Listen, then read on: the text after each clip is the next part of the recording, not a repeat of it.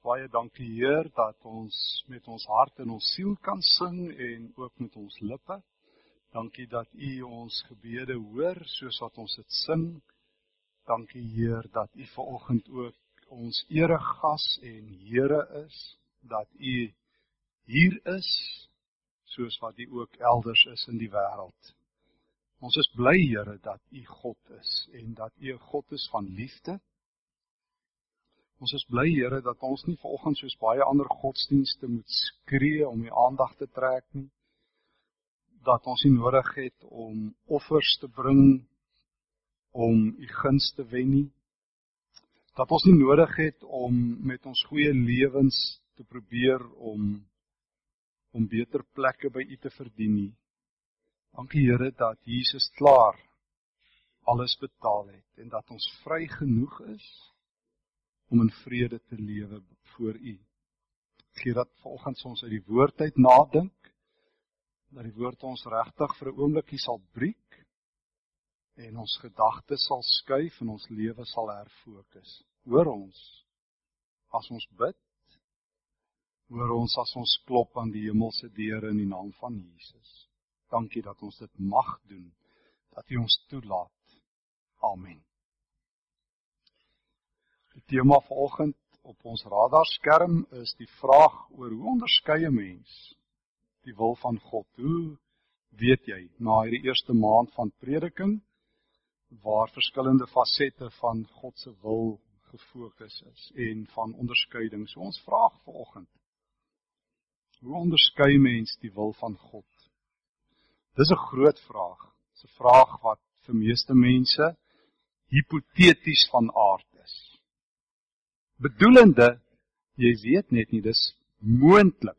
Die beste wat baie ouens maar vir mekaar sê oor God se wil is wat jy maar hoor in baie kerke, God het 'n plan vir jou lewe of so iets.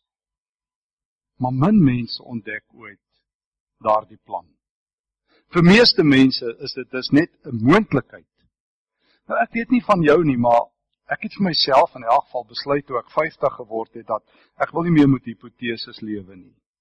Ek word sommer net pleinweg ontstel as iemand vir my sê God het 'n plan vir jou lewe. Dit is 'n bietjie laat vir my om dit agter te kom as ek al 50 is of as ek 20 is of ek 30 is.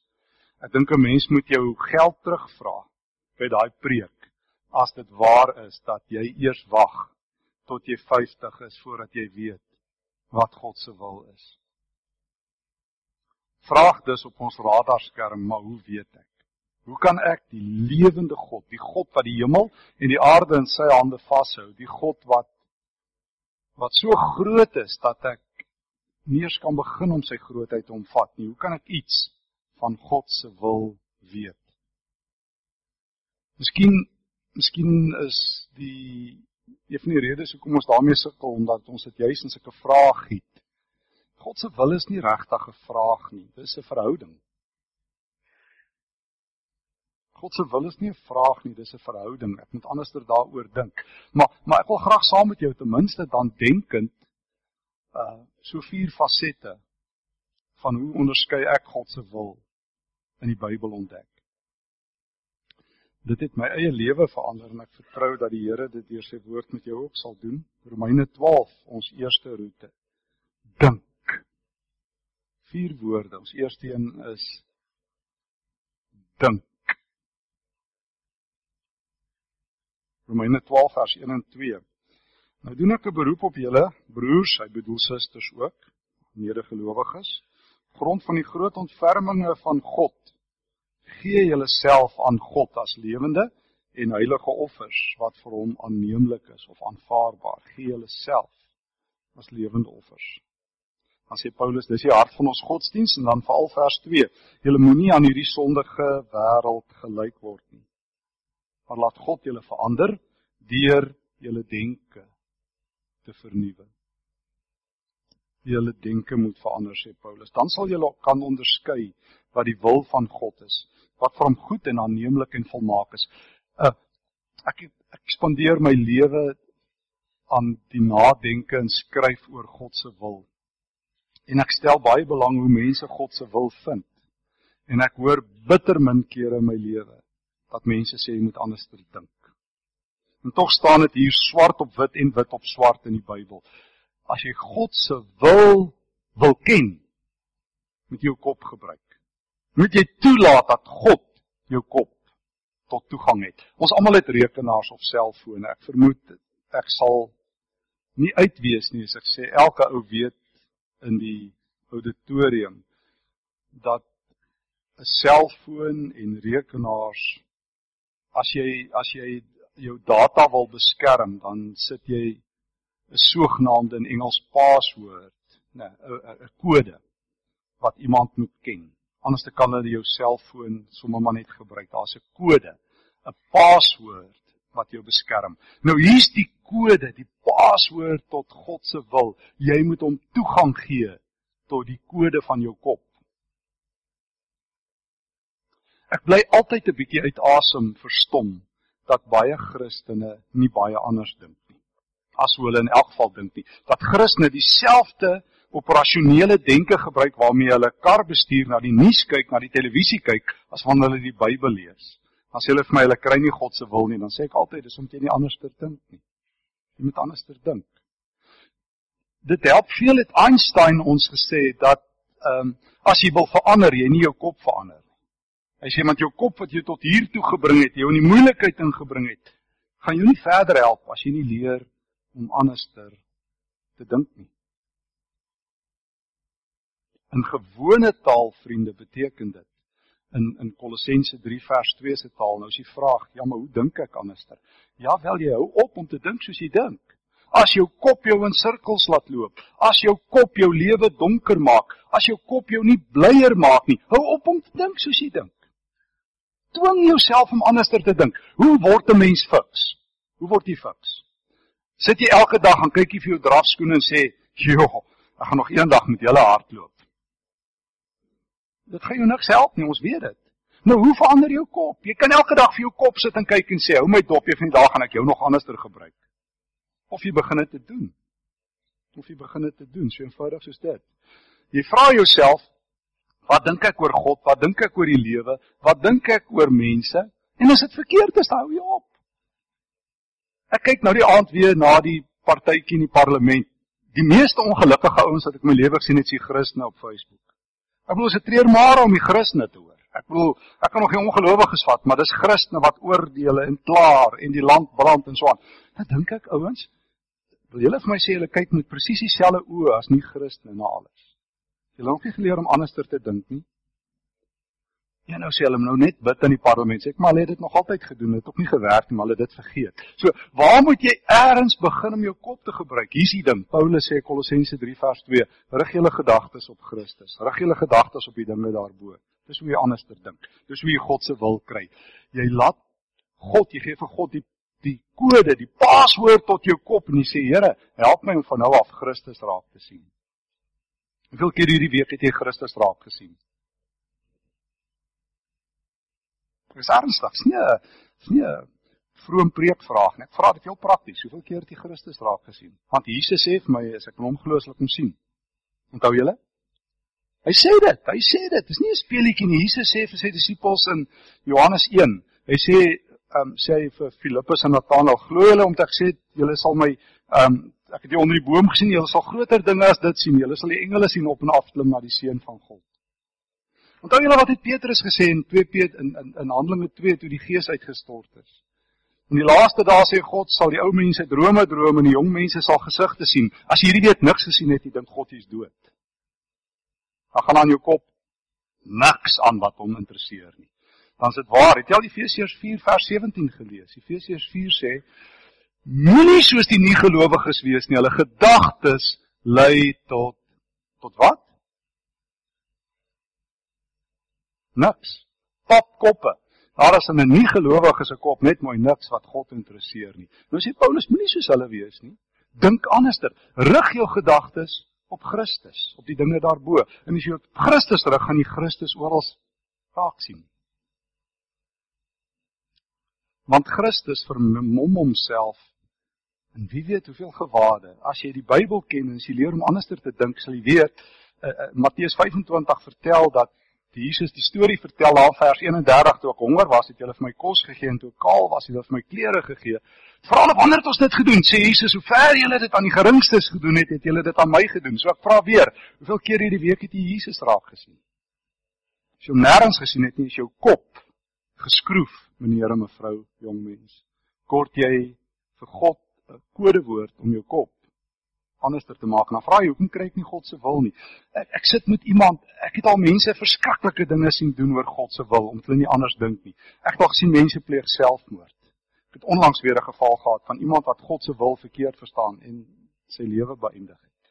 Ek het al gesien mense verloor al hulle geld. Ek onthou 'n vrou, anonieme vrou skryf vir my en sê sy het gebid vir God se wil en toe val daar 'n jacaranda blommetjie op haar kop, toe weet sy.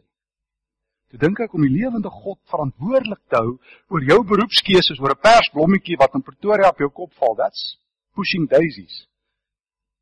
Ehm um, dis uiters onverantwoordelik. Ek sê van mevrou Pluk, sit jy gaan dink jy daaroor. God het vir jou kop gegee. Gebruik dit. Jy wil tog nie doodgaan en dan adverteer hulle jou kop en sê min gebruik laag kilometers. Tweedens beskikbaar. Jou kop is daar. Use it well. Dink, sê Paulus dit is die wil van God dat julle julle denke sal vernuwe. Rig julle oë op Christus. Kyk tot jy Jesus raak sien. Men ook sien almal net die parlement raak en die moeilikheid raak en die sport raak en vir of Donald Trump een. Christen lyk vir my hou meer of minder van hom. So so gaan dit nou aan. Plek sit jy jou gedagtes op Jesus rig. En Jesus oral sien. As jy Jesus nog nie op 10000 plekke sien nie, gaan jy God nie sien nie. Gaan jy God se wil nie ken nie. Nou moet jy maak maar soos die meeste kerke, gryp jy maar 'n teks hier en 'n profesiekie daar en 'n vinnige antwoordjie hier. Juist toe iemand weer nie weet vir my sê, "Help my gou om God se wil te kry." Sê ek, "Nee nee, jy verstaan nie, dis 'n manier van leef. Ek is nie God se quick fix en dan praat jy met my en dan gee ek jou drie tekste, dan jy 'n antwoord en dan's alles reg nie. Gaan leef God se wil. Dink anders. Reël 1. So onderskei jy die Here se wil in jou lewe. Weet jy waar jy moet bly, waar jy moet ry, wat se huis jy moet uh, vat, waar hoe lyk jou toekoms? Jy wag nie vir 'n teksie nie. Onthou toe ons een keer in die buiteland gebly het, het 'n ou na my toe gekom en gesê die Here het vir hulle gewys hy moet hier kom skool hou. Toe sê ek vir hom, dis heeltemal verkeerd. God het dit nie vir jou gewys nie, jy jok. So hy baie kwaad vir my. Sê ek is eerlik genoeg om dit vir jou te sê. Jy wou graag gekom het. Nou gee jy God die skuld. So wie wat, want as jy die gedagtes van God gehad het, sou jy gesê het ek kom om mense te dien Ek kom om mense op hulle hande te dra. Jy het dit net vir jou eie veiligheid gedoen. God dink nie veiligheidstaal as hy dink nie. God dink dien en omgee en 'n verskil maak en jy het niks daarvan gesê nie. So ek kan vir jou op gesag van die woord sê, jou kop raas. Nou dis jou vir my kwaad. Ek sê jy kan nog steeds kwaad wees as jy die Bybel gemis. Tweede ding wat die Bybel vir my sê, eersteen, dink.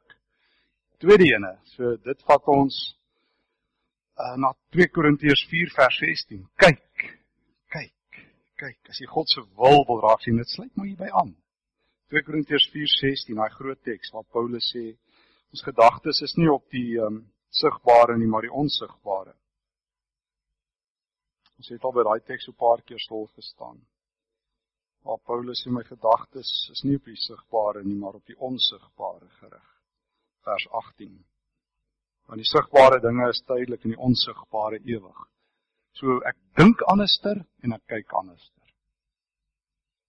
As ek kyk soos wat die kollegas by die werk kyk, kyk ek verkeerd. As ek net soos hulle kyk. As ek bid net soos wat ek nog altyd gebid het, bid ek verkeerd. As ek praat soos almal praat in die wêreld, praat ek verkeerd. As ek nie geleer het om my lewe se gerigtheid te skuif nie, gaan ek God se wil nooit kry nie. Want God se wil is nie iets insidenteel, momenteel nie. Nou kry ek God se wil, dan gaan ek weer rukkie aan met my lewe en dan maak ek weer bietjie droog en kom gaan ek gou kerk toe kom. Onthou toe ek 'n dominee was, um in gemeente, um toe ek nog voltyds in die uh leraar was, um het 'n ou as ek by mense huisbesoek goed doen het, dan kom hulle so 2 weke kerk toe. Of so in die begin van die jaar, ek dink gaan dit klomp van julle ook gebeur, dan kom so 'n bietjie kerk toe, dan raak julle ook nou wel weer moeg daarvoor. Kom ons nou sien hoe val die gemeente. Ek het nog gesien van 2 weke gelede, die getal is al klaar weer af.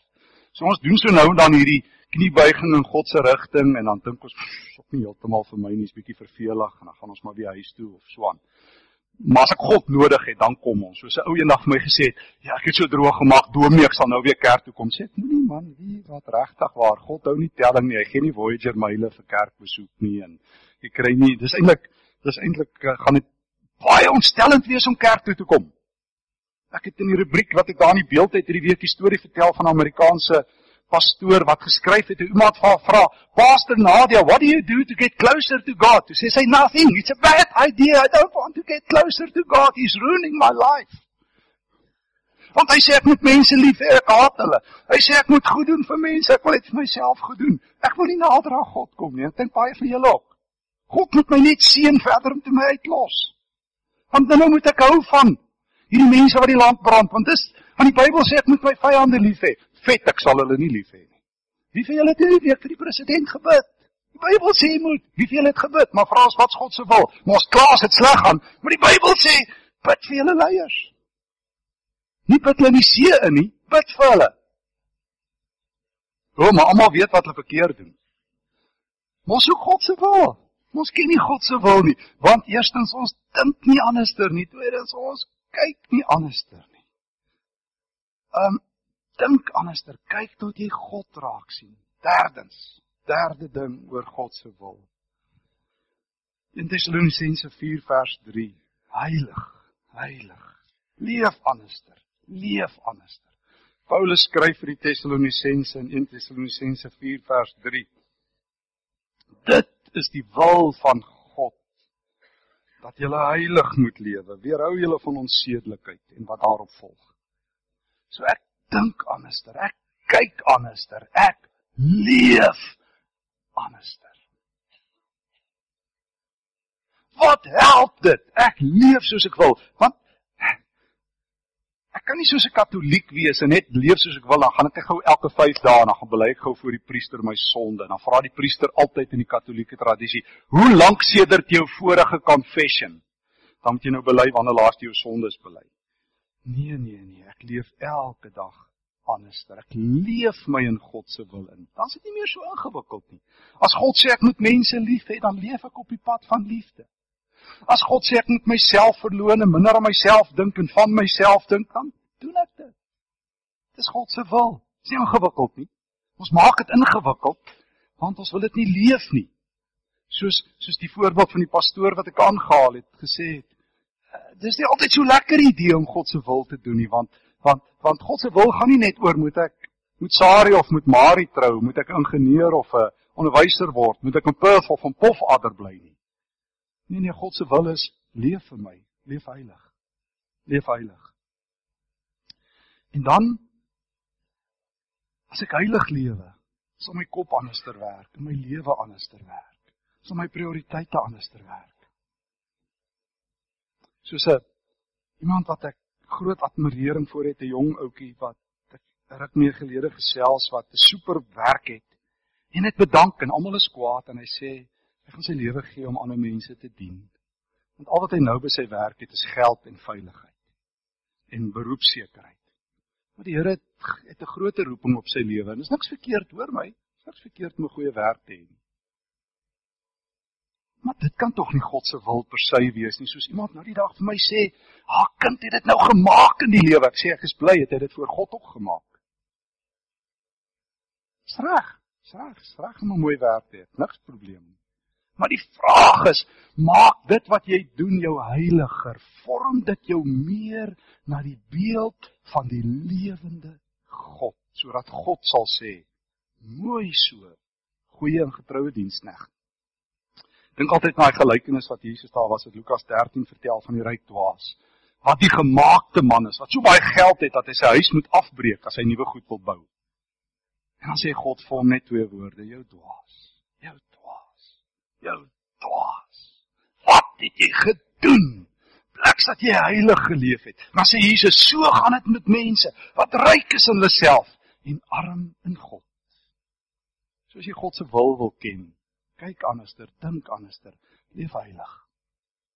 Leef anderster, leef magneties, leef sagter, leef met minder, leef met meer liefde. Dis heiligheid. God moet jou karakter vorm. Ons het al mekaar gesê talent en karakter groei nie saam nie. Ehm um, het jy al gesien kyk bietjie in Pretoria en oral. As skole kinders werf, as universiteite kinders werf, hulle werf hulle nie op karakter nie, hulle werf hulle op talent.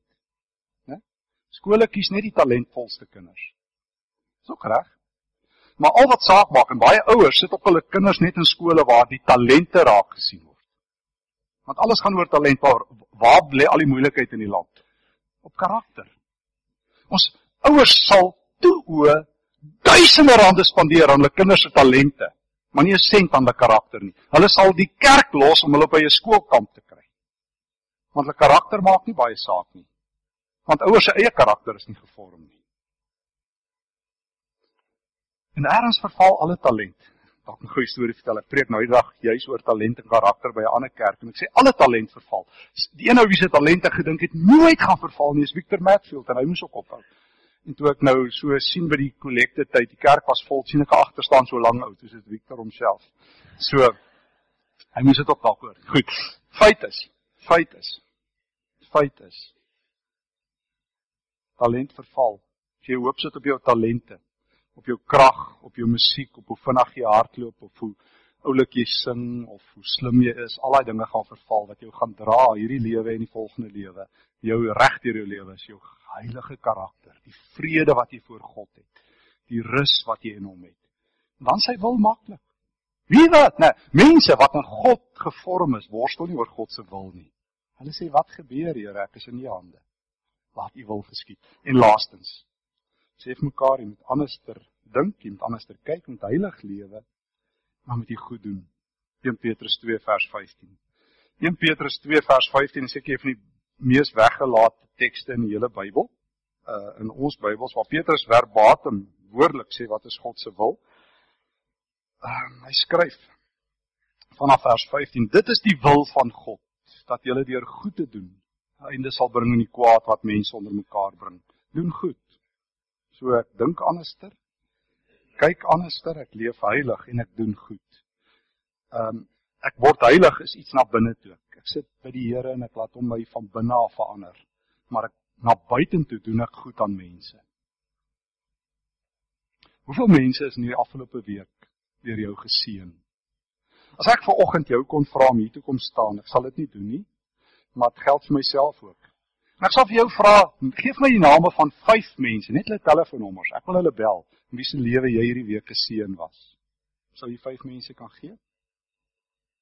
Wat sou ek nog getuig as ek hulle vra? Vertel my van persoon X. Hoe was persoon X 'n seën in jou lewe? Petrus sê, hoor mooi, hoor die woord van die Here, dis die wil van God. Dis nie 'n speelietjie nie. Dis nie 'n goeie suggestie vanoggend nie. Ek is nie vanoggend die Here se konsultant wat 'n paar voorstelle maak oor hoe jy dalk jou lewe lekkerder kan gaan leef nie. Ek sê vir jou, hoor die woord van die Here. Die lewende God sê, doen goed. Dis my wil.